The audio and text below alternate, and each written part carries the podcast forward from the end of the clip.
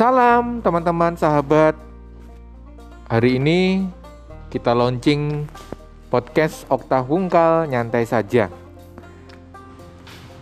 Harapannya setelah mendengarkan podcast ini, sahabat-sahabat, teman-teman terbuka pikirannya dan hidup lebih santai, menikmati apa yang ada di hadapan kita dengan tetap menjunjung tinggi nilai kejujuran. Weh, dalam banget obrolannya. Ah, biasa saja kali. Tapi tak apalah. Yuk, dengarkan dan like, bagikan podcast Okta Wungkal santai saja. Terima kasih, bye.